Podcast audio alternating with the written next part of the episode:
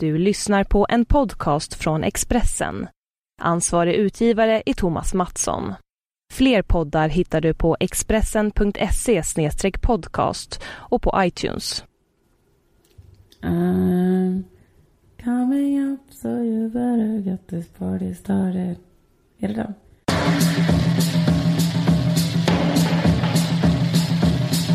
Hallå, vakna. Ja, ja, ja, ja. Hallå. Hallå. Hej. Hej. Det var länge sedan. Ja, det var det. Det var det på riktigt. Det, beror på att jag... eh, Jag har lagt alla mina relationer på is, på Ja. hyllan. Jag, sit- jag, jag är mest med Filip och Fredrik nu. Det är sant.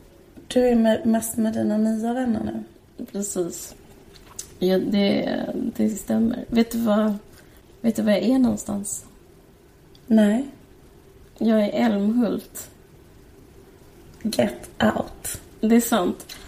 I Småland. Jag är i Småland, i Älmhult. Eh, Alltså det, det här jobbet eh, är väldigt intressant på massa sätt. Men en sak som är liksom bra för mig, det, jag blir, som gör mig mer ödmjuk, som, det, är att, det är att jag måste bo på så pissiga orter. Och alla våra eh, lyssnare i Älmhult, ni vet vad jag pratar om.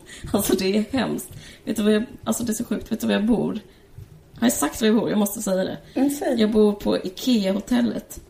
Just nu ligger jag i en IKEA-säng på ho- IKEA-hotellet i eh, IKEAs liksom, Men födelseort. men ska vi berätta för nytillkomna lyssnare Ja, vad det är du gör? Det är att du eh, är inslagsproducent. ja, regissör på tv-språk för Filip och Fredriks nya relationsprogram. Och, där, och det utspelar sig mycket med att de intervjuar eller träffar olika människor som bor på landet. Och därför har du i, typ, hur länge är det nu? En månad kuskat runt på massa olika orter. Ja, precis. Som någon slags um, trubadur Ja, som är på turné. precis som Björn Afzelius. Som Björn Afzelius hela 80-talet och 90-talet Precis. lever du. Berätta något om det där. Ike- Är det ett riktigt IKEA-hotell som liksom IKEA Ja. själv har byggt upp? Absolut. Så Det här- allting är, det är enda-. Billy och liksom Ja. alla sakerna i hela... Men jag ska berätta allt om det här för det är så spektakulärt. Jag är så jävla förbannad på Ingvar Kamprad när jag är här. Det, är så, det, det är så bisarrt. Dels är det inrett som ett flickrum. Eh, det är liksom, du, du vet hur det är att vara på IKEA. Ja. Det är som är, jag är nu, det är som att jag sover i säng, i en säng som är på ungdomsavdelningen om du fattar. Fattar. Eh. En visningssäng.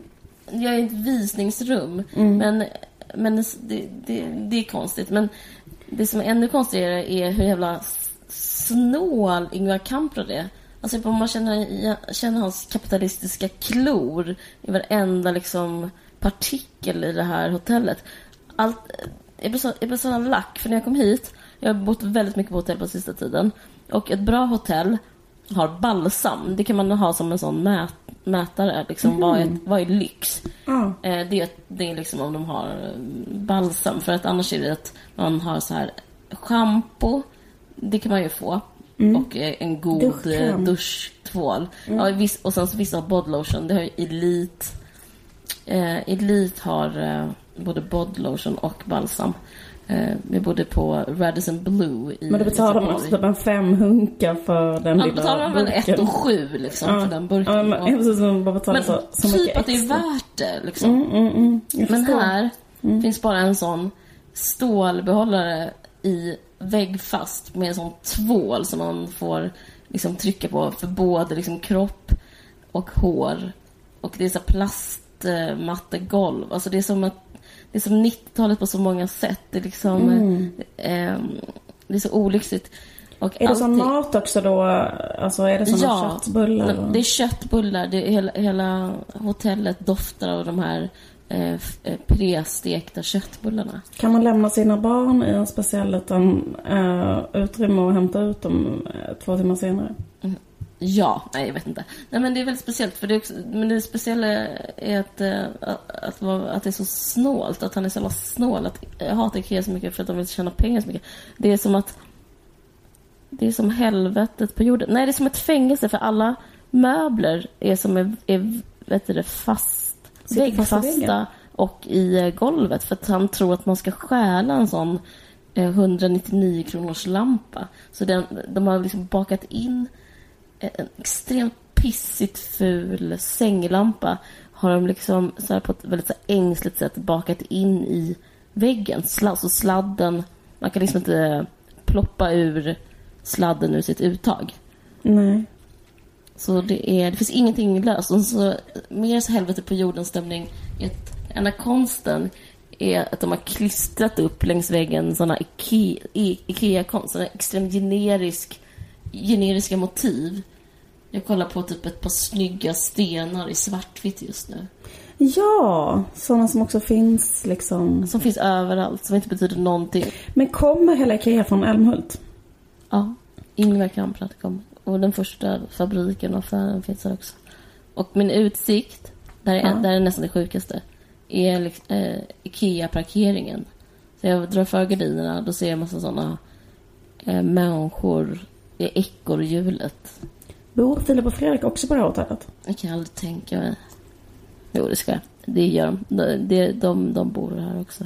Umgås ni liksom dygnet runt? Eller är det bara som att ja, jag berättar för Filip om mina typ eh, innersta känslor. Han typ ger mig råd om mitt förhållande. Och, alltså, mm, vi har verkligen en... Um, vi umgås hela tiden. Ja, det låter mysigt. Det är mysigt att jobba i team. Jag älskar att jobba i ett filmteam för det är som att ha en familj. Det är Ja, det. jättehärligt. Det är också mysigt för min roll är lite chefig. Jag tror det är omysigt att vara ett team om man är längst ner. Eh, Det är, ingen, det är absolut ingen platt hierarki. Så att det är rätt så här... Um, ja, motsatsen till platt hierarki. Att vara längst ner i den hierarkin måste vara väldigt jobbigt. Liksom. Ja. Men, men eh, jag är på ett härligt sätt rätt högt upp i hierarkin och liksom har, lever som fisken i vattnet. Väldigt speciellt. Men det, är väldigt, men det är väldigt speciellt med de människorna man träffar. Vi gör ett relationsprogram. Jag vet inte, innan inte jag vågat prata om det. Men nu så hörde jag att de pratade i sin podd, Filip och Fredrik, om eh, eh, en av kvinnornas preferenser sexuellt som vi intervjuar. Eh, så då tänker jag, då måste jag kunna få säga vad som helst. Men det är väldigt speciellt att träffa liksom, hur människor är på landet. Nu till exempel, jag ska snart sluta prata om det här, men nu till exempel Kan du bara säga, berätta en gång till liksom vad programmet handlar om? Ja, programmet är att eh, Filip och Fredrik är parterapeuter och träffar par i kris. Mm. Och eh, de åker runt, om, runt landet och träffar olika par. Mm. Eh, Och varje avsnitt är ett par liksom, så ni Mm. är liksom på ett ställe. Hur har ni Precis. hittat de paren? Eller vem? Det är eh, de, man- de har anmält sig själva. Okej. Har- Det finns, har funnits liksom annonser i lokaltidningar och på olika ställen. Eh, jag, jag, ja, det är flummigt alltihopa. Jag fattar, det är det enda jag tänker på också. Hur har... Hur kommer det här sig? Hur kan de vara med? Och hur vill de vara med? Och... Är det lite så här lyteskomik att folk är så dumma på landet? Nej, det, det, är, det är liksom medelklass och borgerlighet. Det är som scener ur ett äktenskap. Ehm, det, alltså det blir väldigt bra det här programmet. Förra gången så var vi i fas 3 Sver Sverige kan man säga. Alltså kärlek i tredje fasens tecken. Det är väldigt intressant. Det handlar om hur, hur eh, ekonomi påverkar ens kärleksliv. Det är så, för att det var en kvinna som eh, håller på att bli utförsäkrad och inte har några pengar alls. Och är, har superont i ryggen och eh, hur det påverkar, alltså den totala brist på pengar påverkar deras kärleksliv. Superintressant. Känner, man- känner man sig bättre, kommer man att känna sig bättre i sitt eget liksom förhållande när man tittar på det? Man känner, det är superstor igenkänning. Jag känner igen, känner igen mig i alla. Jag känner mig inte bättre, jag känner mig rädd. Jag känner mig... Fan, jag måste sluta eh, vara en idiot, tänker Vara jag. ihop med folk? Nej, jag, jag, känner, jag känner mig inspirerad att vara, bli en bättre flickvän. Men samtidigt är det så här, det går inte. Det går, man, alla människor kommer göra de här problemen för det är liksom the rules of love som jag tycker är så intressant. Hur, hur det är när man är sårad, hur folk är när de sörjer, hur folk är när de är svikna. Eller när de är kära, eller när de slutar vara kära. Det är väldigt så här brutalt och mänskligt. Finns det något hopp? Ja, för vissa, men det finns inte hopp för alla. Och det i sig tycker jag är ett hopp. Också den så mänskliga igenkänningen att man gör slut, kärlek tar slut. Du är inte ensam. Det är väl hoppfullt på ett sätt. Ja. Alla par, eh, de har ju inte lyckats med alla par. Men det här par, men det är speciellt med liksom de här, när, det, när människor är så otroligt långt borta från eh, vad som beskrivs, alltså du vet så här, man typ hipster-söder, Mm. jag, vet, jag vet inte om det finns, de flesta, de, mo- folk är ju moderater på söder i Stockholm, men du vet så här, man brukar prata om så här vänster-hipster, söder och sådär. Eh, det finns konsensus hur man ska vara. Men gud, vi har pratat länge om det här. Men i alla fall så träffade jag idag en kvinna som är gravid, som har kris i sitt förhållande. Mm. Eh, och då är det att hon eh, ändå inte kan sluta röka. Eller att eh, hon är bara 26 Mm. och hon röker. Det är så himla radikalt. Alltså det är så här riktigt radikalt för det är så himla totalt oaccepterat. Och så, så här jättegullig och det så här, ja, kan inte låta bli ta en. Hon bara, du är inte klok. Alltså, Men- förlåt, jag kan inte säga det här men det är fel, moraliskt fel om jag säger så men jag tror inte att det är så himla farligt. För jag tänker att folk rökt så in i helvete när de är gravida. Jag vet exakt vad jag sa också, men jag menar stämningen Typ kring... läkare röker också alltid när de är gravida. Ja. Ja men precis, läkare typ knarkar dagligen. Alltså det det är inte så farligt. Men ja, precis. Men, det är men så jag fattar, det, det är väldigt så här, så här, man är jävligt liksom eh, sedd ner på om man har så en stor gravid mage och en cigg i munnen. Ja, det känns så radikalt på riktigt tycker jag. Ja. Alltså man kan säga så här, eh, alltså personligt radikalt. Alltså det, man kan ju vara typ ha en hur cool mössa som helst men man kommer aldrig bli så radikal att man är gravid och tar en cigg och typ är så här charmig med det. Det var Jag, jag, underbart. eh, jag eh, kommer ihåg en sån skämtteckning som Nanna Johansson har gjort där det är en Mm. gravid som röker och så är det två som står och pratar bakom ryggen på henne och så säger den ena så här eh, Men gud vad mycket hon röker eh, fast hon är gravid. Och så säger den andra Ja men det är väl klart hon röker ju för två. Roligt. Nej men jag vet, min grej är så att jag eh, rökte en kort period under tiden jag precis här, höll på att bli gravid en gång. Jag har ju två Mm. barn i, i ett av de fallen. Då kommer jag också ihåg det, för det är så svårt att sluta röka. Ja, Och då var jag så här bara, typ, jag tror att jag skulle kunna vara gravid nu, men jag slutar ändå inte att röka för att jag typ så här, det finns också en chans att jag inte är det. Typ så här. Mm. Och så här vill man så himla gärna liksom eh, röka. Och det är så fruktansvärt sinnessjukt hur den drivkraften att röka kan vara så stark. Men då kommer jag ihåg att jag gick in så och googlade på olika sådana där och då kom man in i sådana totala så svarta hål på internet som var så här, kvinnor som var gravida och inte kunde sluta röka. Ehm, och det var eh, så jävla mycket ångest. Typ så här, folk som absolut inte kunde sluta röka. Fast de fattade hur jävla fel det var. Alltså. Precis, men det- är så jävla bashing kring att eh, eh, jag vill vara ljudtekniker. Man bara, han bara, ska du inte ta med nu när hon, inte, när hon röker vid fläkten? För det är typ att mitt, mitt jobb är så här, ja men eh, tar det här, vi filmar det här. Men jag så finns nej till det, för att jag, inte för att jag är så jävla god, men grejen är att folk ser, så- ser så otroligt mycket ner på, folk, Ja. på gravida som röker. Alltså det är verkligen, det är verkligen så här en öppen dörr till hat. Alltså det är så långt ifrån den här präktiga Mama, tidningen Mama som man kan komma. Det är så långt från curlande förälder liksom. Mm. Men, men det är så roligt. Hon var så gullig. Hon bara... Alltså, det är bara för jag blir, jag, jag, jag blir så nervös. Och man bara, ja, jag fattar. Du, klart du är nervös. Ska med i TV. Klart du måste ha en cigg. Roligt. Men det är verkligen så här. Det är kul att träffa an, en annan typ av människor. Men är din känsla så här att mänskligheten ändå likar varandra? Eller är din känsla att de är helt olika människor som du brukar umgås med? Mm, känslan är att människor är exakt, alla människor är exakt samma människa. Att, och att, att eh, kärlek är extremt ounikt och att vara ihop är ounikt. Eh, Men det är gött ändå, typ. Det är min Mm. slutsats. Men att man har annan typ av eh, skämt egentligen. Ja, men det Ja. som, jag klippte bort det förra gången, men som det där paret som använde ordet feminist som skällsord. Alltså som, ja men typ som när jag pluggade juridik så, så sa de moderatkillarna med backslick, de sa ju Åh, det är en jävla sosse, skål på dig, typ om man hade kul. Att man retade någon för sosse. Så kallade han sin fru ja, eh, feminist på ett nedsättande sätt. Typ sånt, sånt får, är ju väldigt ovanligt i typ våra kretsar. Så typ Förutom typ såna pikanta kryddor så är människor exakt likadana. Mm. Alla gillar Anders Timell. Alla män gillar Anders Timell som humor. Alla tycker Ja, han ja, de tycker han är rolig. Mm. De Eh. refererar till Mix Megapol. Jag förs- och de gillar... Alltså det handlar om referenser, eller liksom smak. De gillar Anders Timell. Men är, Mm. vem är vem? Alltså vad heter han? Heter inte han något annat? Martin Timell är han med som Ja, bygger. just det, just just. Just. Ja, just Anders. Timell är hans crazy bror som har en. Mix Megapol. Ja, jag vet. Mm. Och sen så gillar de artisten Pink. Det är också eh, verkligen en polett som trillar. Jag har alltid undrat, vem gillar Pink? Det är alltså de människor på landet. gör. Men är hon ens aktuell med någonting?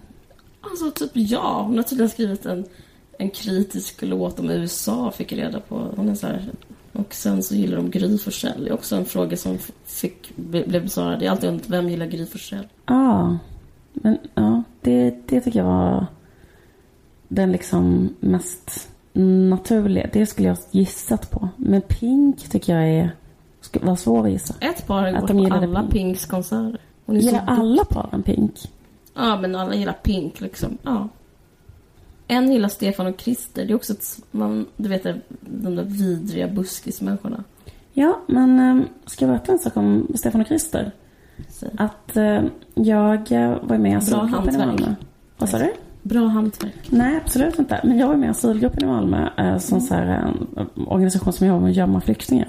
Och då var det liksom, hade de en sån jättesunkig interntidning som var liksom så här upptryckt. Är så här en organisation som inte har några pengar, men deras riks, riksorgans tidning som man fick hem som var liksom så här, typ gjort på en kopieringsapparat. Några superfattiga liksom, eh, kristna människor kanske satte ihop den liksom, i någon källare liksom, och skickade ut till medlemmarna. Där man fick reda på lite så här, information om nya juridiska lagar.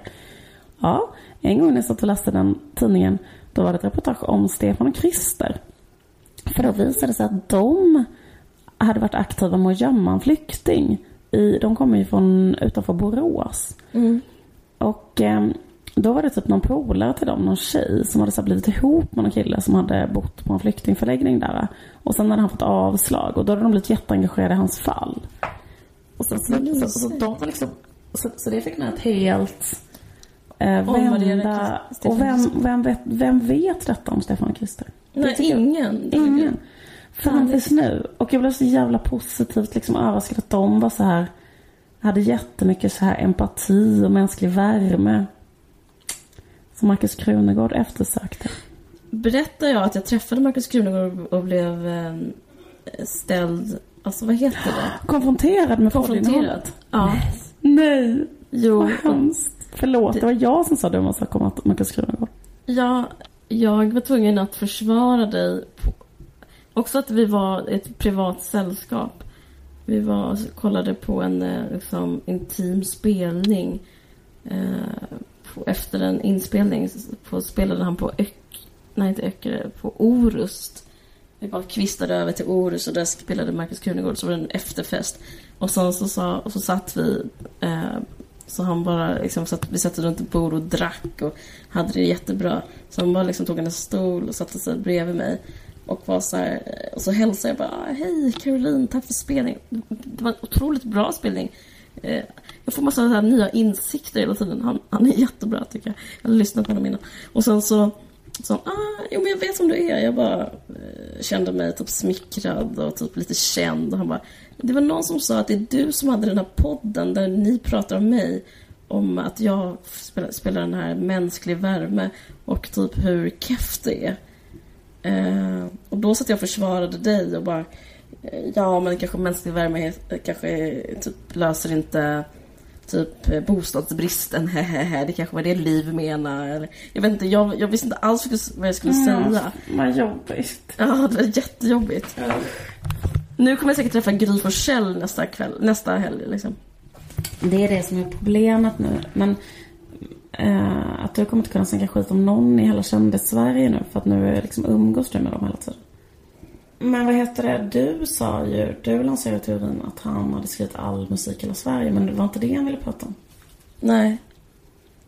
Du vet själv hur man är. Om någon, man kanske hör, någon kanske är snäll mot en så hittar man typ en person. Man letar fram en person som säger något taskigt mot en. Och så Ja. går man och bär på det hela tiden istället. Det, det är så jävla hemskt. Det är verkligen så. Ja. Men liksom, jag fattar inte hur det evolutionärt kan vara så. Alltså att typ så här... Men du vet vad jag pratar om? Att Jag man, vet exakt vad det är. som alla. Man får typ 3000 positiva omdömen. Och sen så får man en gång ett negativt omdöme. Så här, du är typ alltid så här. Eller du är en sån person som är så här. Eller sån här. Och då bara sparar man en liten guldask. Som att det var det, så här, det viktigaste som någonsin har hänt. mm, man vårdar liksom negativ man kritik. vårdar den negativa kritiken så här, som att det var liksom det viktigaste. Att du kommer ihåg det jätteväl. Man bär den som den sista droppen vatten. Att man är ändå rätt så dålig. Hemskt.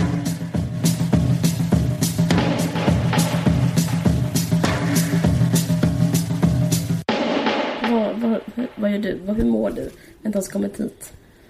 Nej men jag vet inte om du har hört talas om det men en grej som har hänt eh, i Malmö är att det har varit så här, typ en orkan, eller nej inte en orkan, det var typ en monsun i Malmö. Ja, folks källare svämmar över. Ja precis, hela Malmö var ju typ så stod under vatten. Typ. Det var jättekonstigt, faktiskt verkligen konstigt. Eh, så en sak som hände var att jag gick ner, eller så här, min granne bankade på dörren och så gick jag ner och så var det så här, kanske 80 centimeter eh, så vatten i hela källaren. Mm. Och då så, i mitt källarförråd så har jag liksom alla mina gamla dagböcker och alla mina gamla serier som jag har gjort och alla, och sen har jag jättemycket grejer för min, min pappa dog för två år sedan och då har jag massor av hans gamla dagböcker och anteckningsböcker och skissböcker och så. här. Och även liksom så här fotoalbum och du vet så här, i, eh, liksom, det, det är väldigt så här speciellt när man liksom så här, man tänker så här, bara, ah, men okej allt det kommer att försvinna nu typ. Vilken Noaks ark-stämning. Ja. Och sen så här, första tanken är så här, okej allt det kommer försvinna. Och sen så bara så här, eh, och sen är det så här, spelar det någon roll? Eller fattar du vad jag menar? Ja. Eh, spelar det någon roll eller spelar det inte någon roll liksom? Att Vad, här, vad är svaret? Jag fattar att det är retoriskt, men vad, vad kom du fram till något? eh, jag vet inte för att jag liksom var där nere och bara var så här, eh, alltså sen så typ så sjönk ju vattnet undan så är, var det så jävla, det är så vidrigt att vara så här bland uppblött vardag omkring uppblött kartong. Kan du tänka dig stämningen? Det är som att allting är liksom, håller på att bli papier-maché. Mm.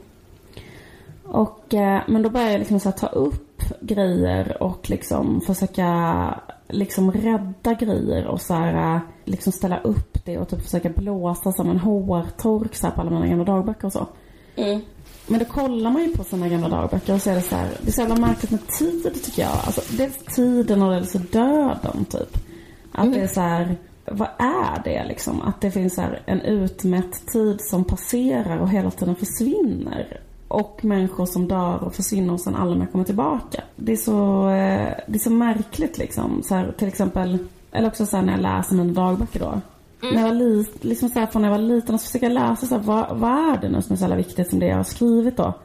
Att, för jag, det var liksom det första jag tänkte på vad mina dagböcker var. Jag måste ha dem liksom. För jag har skrivit dagbok sedan jag var sex år. Jag vet, du är så Och- gullig. Det är, Ja, men när man kollar de dagböckerna så står det så här. Eh, fakta om min katt, kolon. Älsklingsrätt. Eh, whiskas. Eh, favoritleksak. En papperstuss. Nej men förstår du? Det är liksom inte, är inte något som är... det är Särskilt- gulligt. Ja men vad ska man ha det till? Liksom, vad Jag vet inte. Alltså, jag, på, alltså, Typ på ett sätt tycker jag man ska frigöra sig och skita i allt sånt där. Men samtidigt tror jag att det bygger... Det man ska ha det till är ju bara liksom... Är förnimmelsen av en, av en själv. Jag tror typ man blir starkare om man... Det är som att vara överklass och, eller vara adelig. Då, då kan man bara liksom blunda så kan man tänka på vad ens avsläkt har gjort i sekler bakåt. Jag tror ett sätt liksom att, eh, att ha ett ankare i livet. Ja Tror du inte? ja men precis, det är kanske så för jag snackar med någon annan an- om det här. Just det där med att ha någonting från sina döda föräldrar och sådär. Och då, Ja. då, pratar folk, då pratar man med folk som inte har någonting från liksom sina döda föräldrar. Alltså typ så här, för då tänker man så här, eh, människor som eh, är ja, men på flykt eller ja, men där man har fått lämna hela så här, sina, allting som påminner. Man kanske har ett foto eller sånt där kvar på en person. Och då slår det mig också att man kan ha liksom för mycket saker. För det är liksom så här, eller just att man kan ha till exempel för mycket foton på sig själv. För jag hittade också gamla fotoalbum då. Så, så foton jag aldrig, aldrig sett. Så liksom är min farfars typ. Och det var liksom fotoalbum på fotoalbum på fotoalbum på fotoalbum från min barndom så här. Ja, Och- kul. Ja men både och. För på ett sätt tänker jag också så här. Det kan också, man kan också ha för mycket foton från sin barndom slog det mig då. Eller fattar du vad jag menar? Jag tittar på allt det där. Och så är det så här. Vad är det här ens en gång? Liksom? Men för mycket för vad? Alltså det är för mycket... Därför att vad ska det vara? Vad ska det, vad ska det finnas? Det ska- vem, vem ska det ska vara för att bygga titta? upp dig. Det handlar om dig. Det är typ som att det är ditt minne fast materialiserat. Ja men typ såhär, vem ska kolla på det liksom? Typ. Ingen. Jag tror det handlar om, att, om din eh, vetskap om att det finns. Alltså, så, jag har alltid varit avundsjuk på såna Jag har varit såna som dig. Jag har väldigt lite av den varan. Jag har lite minnen och lite foton och sånt där. Typ folk som har sommarställe, folk som har typ som pratar om deras skidresor. Alltså folk som har så här saker som de kan det här, det här var min barndom och det här var en tydlighet. Jag tror det är en slags rikedom. alltså jag, jag, jag kan inte konstruera in mig själv i, i de som har mycket, eh, mycket foton och sånt heller. För liksom innan jag hittade detta så kanske jag hade typ tre foton av mig själv. Men jag växte upp i sånt här villaområde i Simrishamn. Mm. Och då sk- gick en, en sysselsättning, men jag hade kanske tråkigt då. Var, men det var typ att följa med någon hem, följa med Åsa hem och bara Detta är min dopsked. Mm. Jag bara Dopsked? Alltså förstår du, det byggde henne så himla mycket. Ja. Och då var det en sån silversked. Och så bara Detta är min jag samlar servis. Alla Ja. samlade på en servis. Jag vet inte om du känner till det här fenomenet? jo visst. Det bara, Absolut. Jag, jag, typ, jag, jag, har måsen, typ någon som heter måsen. Eller att de hade berlocker så här, de fick en berlock varje födelsedag. Ja, och så har man månadssten, alltså massa så här meningslösheter i tillvaron. Men som bygger liksom ens eh, upplevelse av, en, av det egna jaget. Ja. I och med att jag har mina eh, föräldrar som, som inte... De bara klipper av alla liksom... Ja. Alla rötter och trådar och nätverk liksom tillbaka till en tradition. Då får man liksom jobba upp det själv och då kan man Ja. vara så förvirrad i världen. Jag känner mig ofta väldigt så efterbliven och omogen. Eh, och typ att det alltid gått så mycket, tagit så mycket längre tid för mig.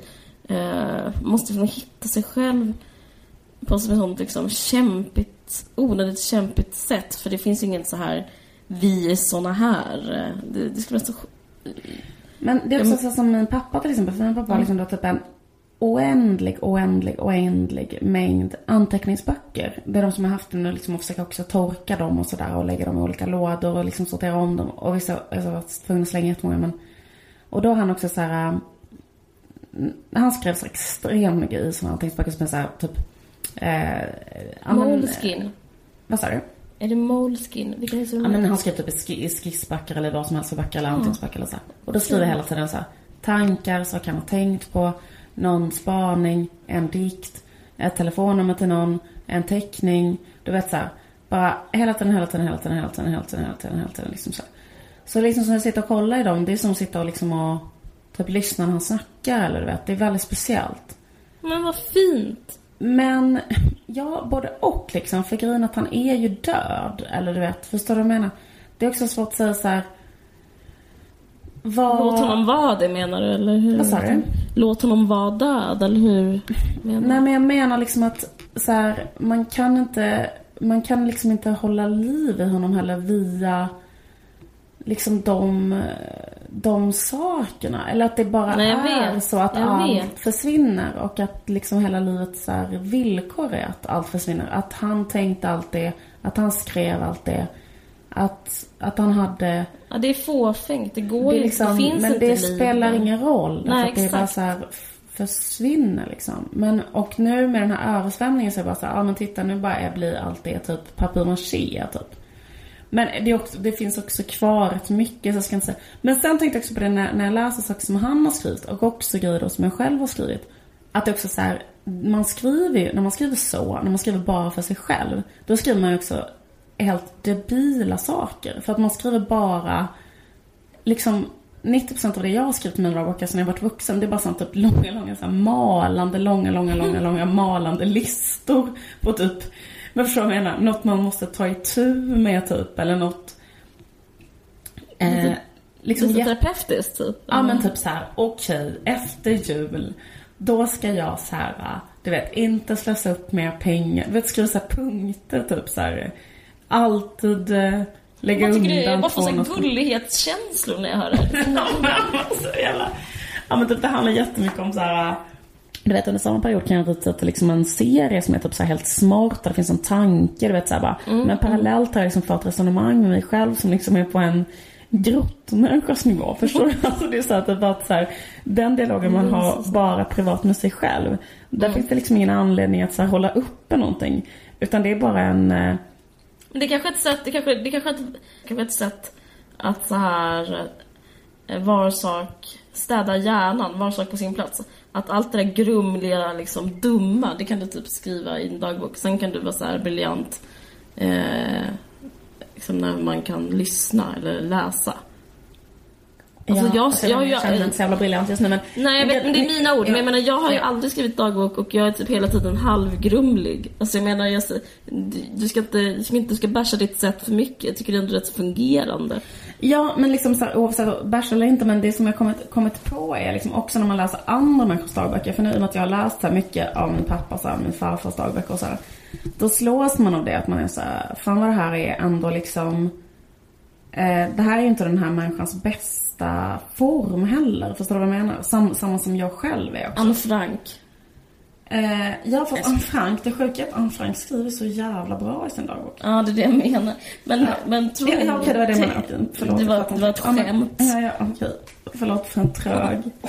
men... Ditt dagboks-jag svarade. Precis. Nej, men allt är inte så heller, men liksom, det är inte så här... Men det är liksom... Eh, det är väl det också, att det handlar om det det handlar hela tiden om det som är mest akut. Det handlar liksom alltså, när man skriver dagbok så är det ofta att man är i något uppjagat läge liksom. Är det så kallat skriva av sig? Ja, det är jättemycket så. Och det är jättemycket så att man är typ kär i någon som inte är kär i en själv. Kanske så måste man skriva jättemycket om det. Men har inte vi pratat om det här innan? Eller nej, det har vi inte gjort. För jag, för jag har aldrig skrivit eh, för mig själv, jag har bara skrivit för någon annan. Just mm. det, så här. Nej, men jag bara tänker att eh, jag tycker det gör dig till en ödmjuk människa, för det, det är ett tecken på att du har lite hybris. För då tänker du att det, det är ditt eftermäle, att det här inte tillhör liksom du kommer, det kommer inte finnas på museer där man kan liksom stå, läsa och fnittra i ett hörn, läsa Liv Strömquists dagböcker. För så tänkte jag ju redan som åttaåring och därför blev det väldigt så här, extremt eh, teatral stämning i mina, mina dagböcker. Jag la till slut ner för bristen på autenticitet tråkade även ut mig liksom. Men eh, men det är ju, det, jag tycker det gör dig till en ödmjuk människa. För då tänker du att inte någon ska läsa det. Mm, jag kan ju inte ja. skriva något utan att jag tänker att alla ska läsa det. Nej men det jag tänker på nu, liksom när jag är i den här situationen också. Det är ju liksom att jag tänker att mina söner ska så här, någon gång behöva stå så städa ut, städa ur mitt dödsbo och stå och läsa om det. Och att de bara kommer vara så här, vad fan är det här? Så jävla långa så här sjuka, sjuka, sjuka resonemang. Men liksom som också bara, det handlar jättemycket om vad jag har på mig för kläder. Det är så långa, långa avstick. Gud, jag blir jättegärna läsa det här. Det låter så ja. spännande. Okej, okay, men det är typ så här.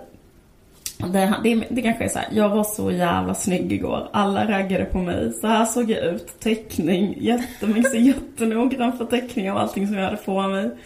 Eh, ja, bla bla bla. Det, det är till exempel en typisk anteckning. Men så, så tänker jag så här, va... Är det för att vi lever i jante-Sverige du skrev det? Att du inte skulle kunna säga det eh, typ till dina kompisar. Men du måste få ut det. Ja, jag vet inte. Eller är det bara liksom att jag säger på... Eller jag menar, varför skriver du det? Varför skriver man det? Ja, men det undrar jag också verkligen. Så känner jag med allting. Och sen är det ju jättemycket så här vad killar har sagt till mig och vad jag har sagt till dem och vad det har stått i ett sms och vad det har stått i ett annat sms. Men vi har ju en gemensam vän som skrev in alla sina sms i datorn. För mig är det också barockt att hålla på så mycket med minnen.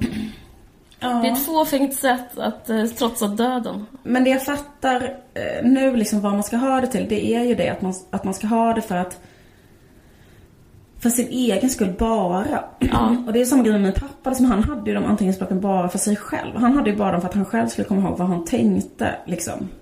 Eh, Och det är samma grej som jag själv har skrivit om det här. För att jag, och det menar jag så att när, efter att man har dött så har det liksom ingen, alltså, det har väldigt lite funktion liksom. Också att det finns eh, någonting med livet som är magiskt, som förloras i tingen direkt nästan. Jag kommer ihåg eh, när min bror dog, när jag gick in i hans rum, då skulle det kunna vara en, en plats att känna närhet. Titta på hans kläder, läsa hans anteckningar. Han skrev dikter, läste hans dikter. Men ingenting, det betydde det var som en magi som var bruten, som döden hade brutit.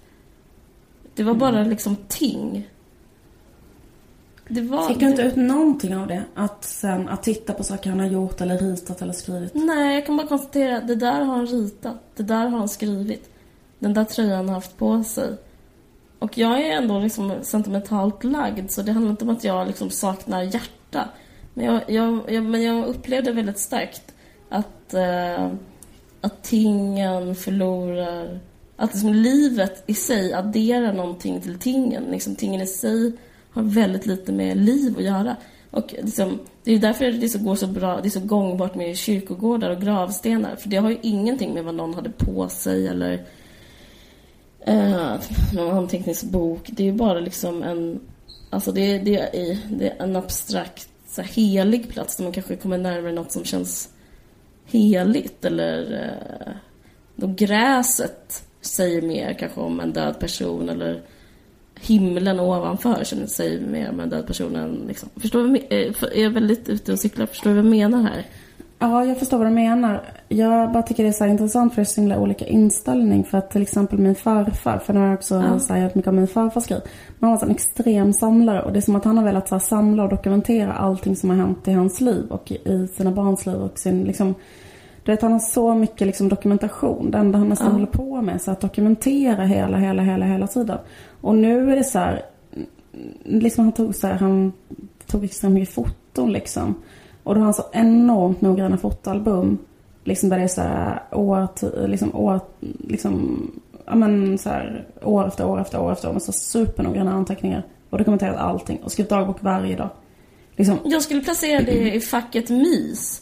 Eh, slash ångest kanske. eh, Ja men det är så dödsångest. märklig liksom, inställning till livet. För man tänker på så här nu, det är bara så här nu, alltså jag bara tänker så här hur, alltså man skulle bara så här vrida sig som en grav om det var så här hur han såg hur de grejerna såg ut nu. Det är liksom så här, allting är upplött och liksom Jag var tror inte det var mysigt för honom att göra det. Jag tror inte Jo. det det handlar om. Det handlar bara om det. I efterhand så handlade det bara om det. Att han tyckte Det är att som att vara vegetarian. Det är Ja. mysigt.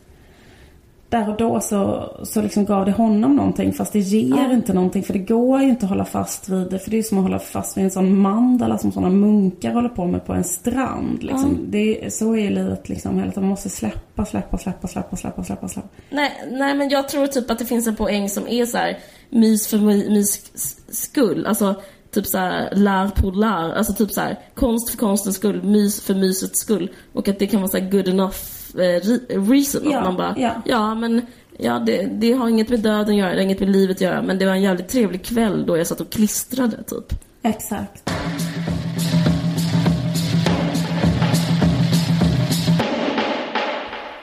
Nej men jag skulle bara säga någonting om det med kläder. För det, det, Eller just med döden. Det, det tänker jag på så himla mycket. Eller väldigt så symboliskt med min pappa. För att då han eh, blev som inlagd på sjukhuset så dog han på sjukhuset. Och då hade han ju på sig kläder. eh, Sina vanliga kläder och blev in, inlagd liksom. Mm. Och då, och då liksom så typ klipper de, ja alltså han kom in akut, så liksom då klippte de upp de där kläderna liksom. Och klä, tog, tog av honom dem liksom och satte på honom mm. sjukhuskläder såklart när de skulle operera honom och så. Och då liksom fick jag de kläderna i en påse. Eh, liksom efteråt. Och det var som att liksom för typ eh, två dagar sen så hade jag liksom haft en pappa och sen hade jag liksom en och sen har man liksom så här eh, ett par skor, en hoprull, hoprullade Bomull. byxor, en hoprullad jacka, en hatt. Det var liksom allt. Det var så att han hade så här en hatt och en jacka och skor. Det, är som, det enda som saknades var liksom innehållet liksom i, Mm. i kläderna. Det är så märkligt just med döden, att det bara är att någon fysiskt är försvunnen som fysisk form liksom. Ja. Det är det som är så jävla märkligt och allt annat är kvar. Det är såhär en tom hatt, ett par tomma skor, liksom en tom jacka. Det är jätte, jätte, jätte liksom märkligt. Ja, ja. Och sen bara så, så Vad leds... Vad, vad, vad, vad, vad, vad starkt det låter, eller vad liksom... Vad, vad sorgligt det låter, vad jobbigt det låter. Men liksom att stå där med de kläderna, det måste vara rätt så...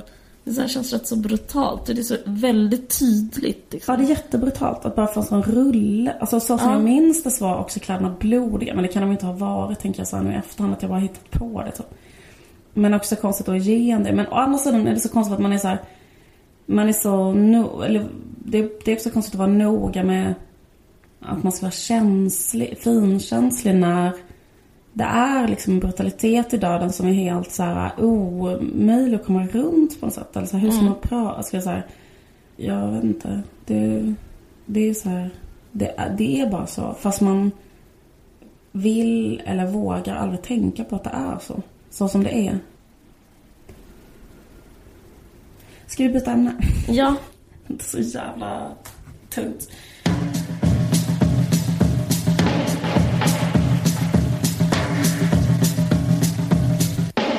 Vad ska du rösta på? Eh, Jag ska rösta på Vänsterpartiet. Eh, Jag är så här Åh, officiell. spännande. Jag är så officiell med det nu för att jag blev eh, tillfrågad av tidningen Metro. Så här, mm. typ, de var så här, 44 kändisar ska berätta vad de röstar på. Och då tänkte jag så här, ska jag berätta det eller inte? För det är ändå någon slags eh, avvägning liksom. Mm. Eh, och då känns det som att alla så här, eh, alla kändisar som är lite mer eh, creddiga, eller vad man ska säga, eller har lite så här, eller, eller alla kändisar som har hög status och typ tackat nej till att medverka. För jag tycker också att jag, att, att kvala in som kändis, det är också så här, verkligen så här, jag kan ju inte vara på A-listan av de som de liksom så här, skulle vilja veta vad de röstade på. Men, så det var jag och så var det jätte, jätte, jättestor andel av så här, deltagarna i årets Paradise Hotel som, eh, som hade svarat. Liksom. Det var kanske Okej. fem från, av de 44 var kanske, eller vet, tio är typ medverkande i årets, Årets PH. årets PH. Så var det jag. Så var det Men förlåt, men det, eh, förlåt, kock förlåt som eh, konsument av... Nej, jag är inte ens konsument av PH, men det är extremt intressant. Vad röstade de på? Vad var majoriteten?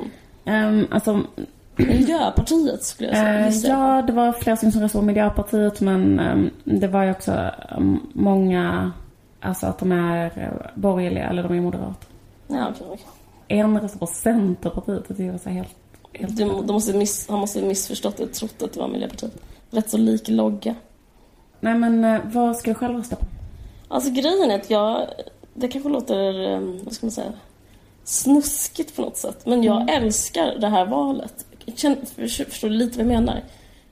Man pratar, om- man pratar om ödesval och man pratar om supervalår. Och Ja. jag kan typ... Eh, jag skriver under på det. Jag, jag har en känsla av att det, att det är domedagsstämning. Och Ja. att det betyder någonting på ett helt annat sätt än det gjort på... Alltså förra valet var liksom sömnigt eh, som jag minns det jämfört, Jämfört med med, det här. Ah. Ja, och för, det, för det, grejen, det, saker har blivit så ställda på sin spets. Vi lever i så fucked up eh, tidevarv så att det, det har ju med SD, SD liksom eh, kryddar ju på med sin, eh, sin idioti och allting som kommit fram. Men liksom så mycket, ja men hur stämningen i vårt samhälle just nu, att det är totalt loony hela tiden och att det här valet kan fortsätta eh, föra en i den totala knäppjöks eh, om man inte så passar sig. Så därför tycker jag det känns rätt så viktigt eh, på ett... Det är alltid viktigt men på ett helt nytt sätt. Och sen så får jag också så här sekelskifteskänslor. Att jag kom på häromdagen att det var hundra år sedan skotten i Sarajevo avfyrades och att ett världskrig bröt ut. Jag, jag, jag, för jag, på sista tiden har jag börjat tänka i och med att vi lever i ett sånt jävla fucked up samhälle och eh, tillvaro. Att, att jag tänker att det enda som kan hjälpa är en revolution. Och in, jag har aldrig liksom varit revolutionsromantiker. Jag vet att så här, mina föräldrar var det på 60-talet och hade liksom seriösa tankar kring hur en bra revolution skulle gå till och sådär. Men det är någon, mina tankar landar ofta typ det kanske är en revolution vi behöver och nu på senare tiden det kanske är ett världskrig vi behöver. Alltså för att så här, love, liksom, att all, det behövs liksom en slags lavett på hela världen och samhället. Alltså det är så, alltså med de här högerextrema vågarna och, och hur det är i Sverige just nu. att Hur det så sociala bara nedmonteras och att människor är fattiga och klassamhället bara ökar, rasismen bara ökar. Allt det bara är totalt demoraliserat. Känner inte du så om, om tillvaron, att den är helt galen? Alltså det, är liksom, det har gått så långt, tycker jag.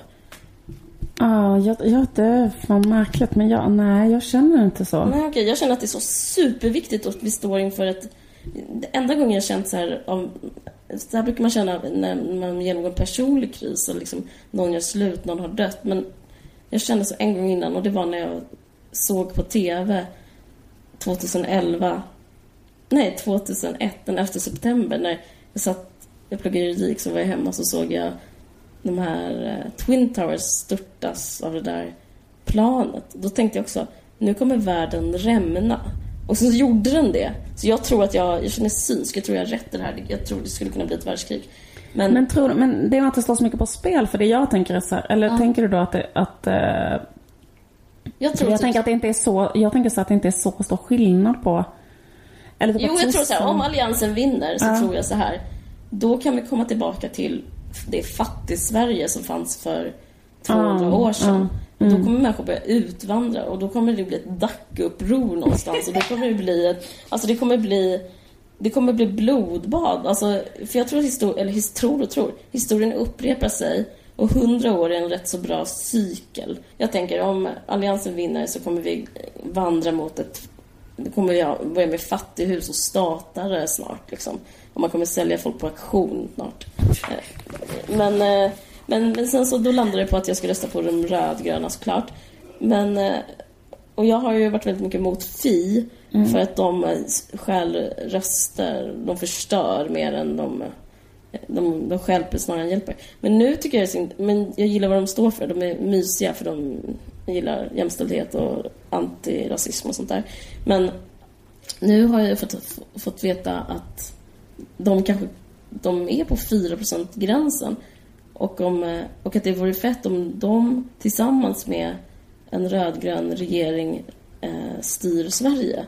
Så att därför kanske finns en poäng att taktikrösta åt andra hållet. Att taktikrösta in Fi. De kan få en vågmästarroll. Mm. Och samtidigt hörde jag en intervju på P1 Morgon med Gudrun Schyman. Och då sa hon att hon var, hennes, eh, hennes plan för hela skiten var att hon ville föra in mänskliga rättigheter. Och det tycker jag faktiskt är för mjuk stridsplan.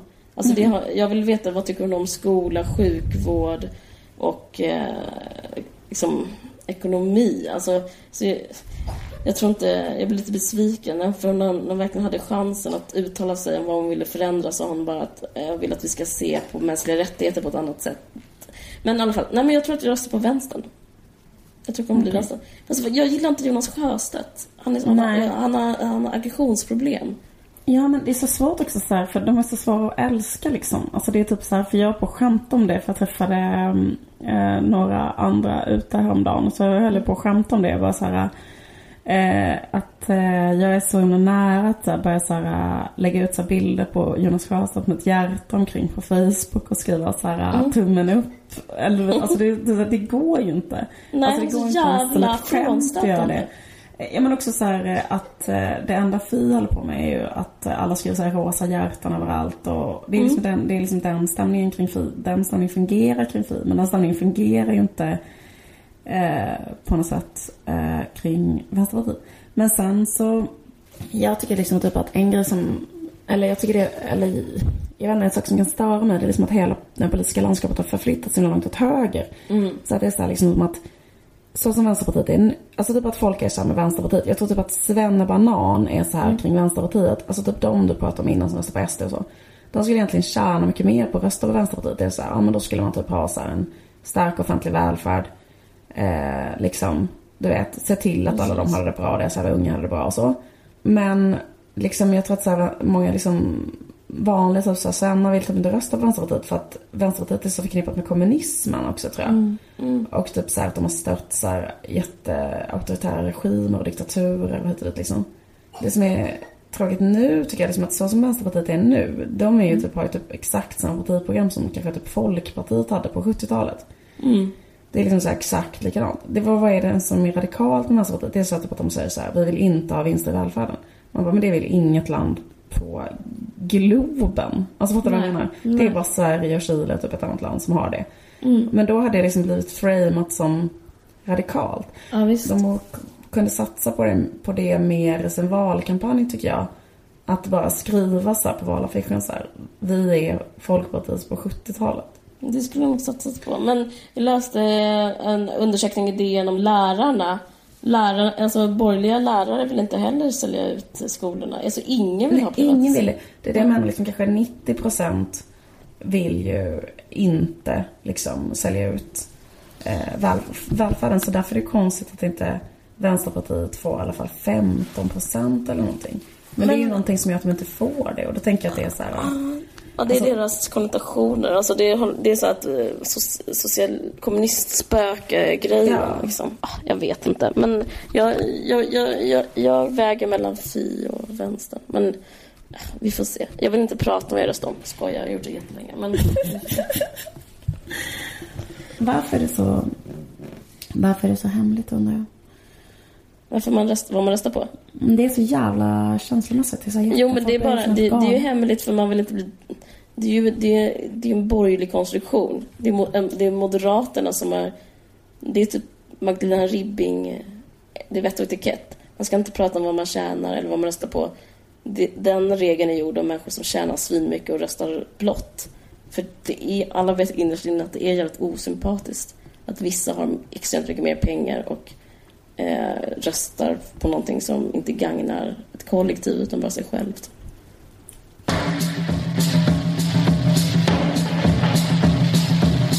Jag är helt pigg nu. Jag låg ju och sov när du ringde. Eh, Har du blivit jag- pigg nu? Ja, jag har sovit i två timmar. Ska, kommer du upp på en nattsudda nu? Nu ska jag gå ner till Ikeas Ikea-hotellet. hotellobby. Gå ner Äta i en baren och generisk så här, muffin. köpa en sån uh, lingondricka från en sån... eh, Ja, det finns jättemycket lingondricka här. Alltså, Jag kan köpa typ en sån, hund, en sån eh, två kilos påse vingummi och eh, en sån åtta liters lingondricka och sätta mig och mysa någonstans. Okej, men ska vi avsluta? Du får avsluta, du är bättre det. Tack så mycket för att ni har lyssnat. Eh, Den här podden görs i samarbete med Expressen Kultur. Eh, Är det något mer jag ska säga? Jo, om ni vill så kan ni skicka frågor till vår eh, Facebook-sida. Inboxa frågor, för vi håller på att göra en bok med naturkultur. Där vi svarar på lyssnares frågor. Ni kan fråga vad som helst. Exakt. Jag heter Caroline Ringskog Ferranoli och du heter Liv Strömqvist. Mm. Rösta Hej rött. Rösta rött, hej då. Du har lyssnat på en podcast från Expressen. Ansvarig utgivare är Thomas Mattsson. Fler poddar hittar du på expressen.se podcast och på iTunes.